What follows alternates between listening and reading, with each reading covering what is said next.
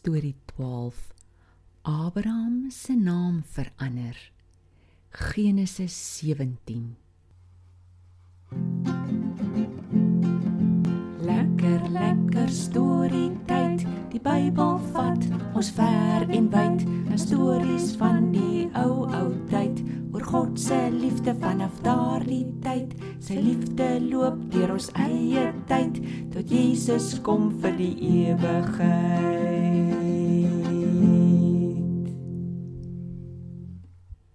Hallo julle almal. O, so lekker om weer hier te wees. Hallo Tobias, hallo Mats. Tannie Karen het tannie 'n storie van Adrang gedring. Tobias, vandag vertel ons van Abraham. Wie is dit? Toe maar, dis nog steeds ons Abraham, maar die Here het sy naam verander. Sy naam verander. Vertel. Mats en Tobias. God het mos vir Abraham beloof toe hy 'n verbond met hom gesluit het dat hy baie kinders gaan kry en dat hulle eendag in die land Kanaan sal bly. Maar alles het nie vinnig vinnig gebeur nie. O nee. Dit was nou al amper 25 jaar vandat God vir Abraham geroep het om na Kanaan te kom. Hy was nou al oud, 'n hele 99 jaar. Sy seun Ismael, wat by Hagar gehad het, was 13 jaar oud. Abraham het seker maar gedink Ismael is die een wat die land sal besit. Maar hy was verkeerd. Verkeerd. Hoe so, Daddy? Kom ek vertel. God kom toe op 'n dag weer na Abraham en praat met hom. Ek is God, die Almagtige wat alles kan doen. Ek wil weer praat oor my verbond, my belofte aan jou. Maar vandag wil ek vir jou iets vra.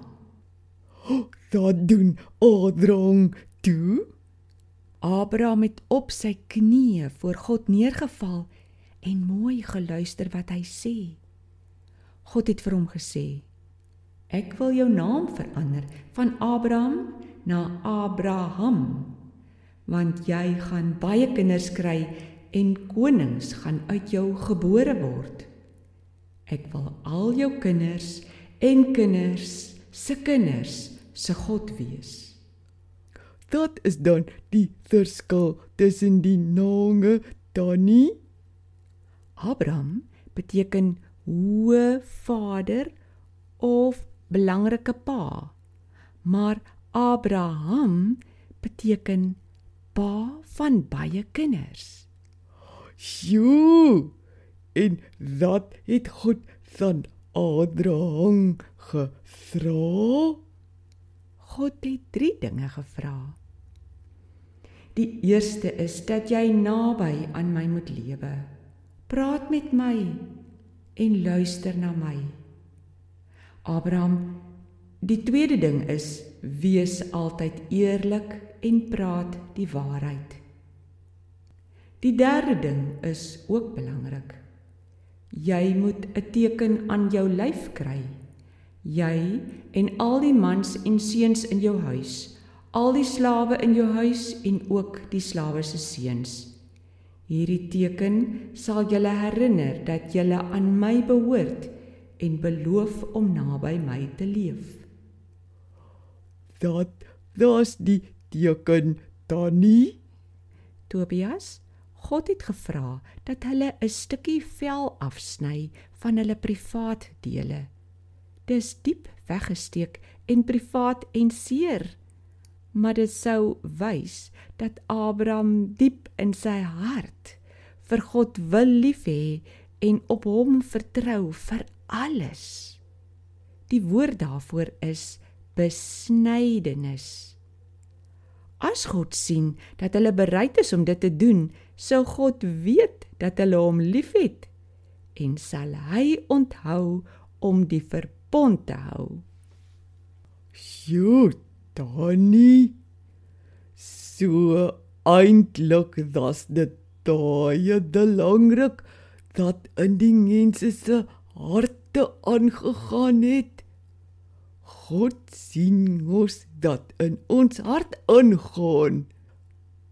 Tannie, moet julle mense nou nog daai teken van die snydenis doen? Nee, Tobias.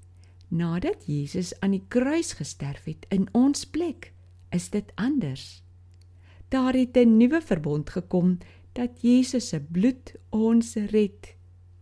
Jesus se bloed is ons nuwe teken. Elke keer as ons nagmaal gebruik, dan dink ons aan daai teken. Ons besnydenis is nou in ons harte. As ons vir Jesus kies, en hy die sondes uit ons harte wegsny. Oh, dis so groot en wonderlik. Gortani dat dan Sarai God het vir Abraham gesê dat hy haar naam ook wil verander. Haar naam word toe Sara. Haar naam was prinses, maar nou het dit geword prinses uit wie baie nasies en konings sal kom. Abraham val toe sommer weer op sy knieë voor God neer. Maar lag en dink by homself: Hoe kan 'n man van amper 100 'n kind kry en Sara van amper 90? Toe hy so dink, sê hy vir God: Here, mag Ismail tog bly lewe. Want hy het seker nog gedink sy baie kinders gaan uit Ismail kom. Maar God het toe vir hom 'n verrassing. Lekker, 'n verrassing. Ja. God antwoord hom. Goed, ek sal vir Ismail seën en daar gaan 12 groot heersers uit hom kom. Maar Sara gaan oor 'n jaar 'n seun kry. Jy moet hom Isak noem. Hy is die seun van hierdie verbond waarvan ek gepraat het. O, ek dink o Adrahang se mond het seker oorgehang. O ja, ek dink ook so. Hy het gewag en gewag vir die belofte. Maar nou hoef hy nog net 1 jaar te wag en dan kom hy en Sara se eie seentjie. Ag, wonderlik, fantasties. God hou altyd sy beloftes. Danny het Abraham toe sy belofte ook gehou. Ja, Tobias. Abraham het hy einste dag vir homself, Ismael en al die mans en seuns wat by hom gewerk het, besny.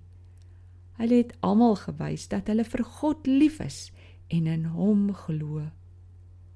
Orde Tannie Ek is so bly God het daai tyd vir Adrang gewys hoe lief hy vir mense is.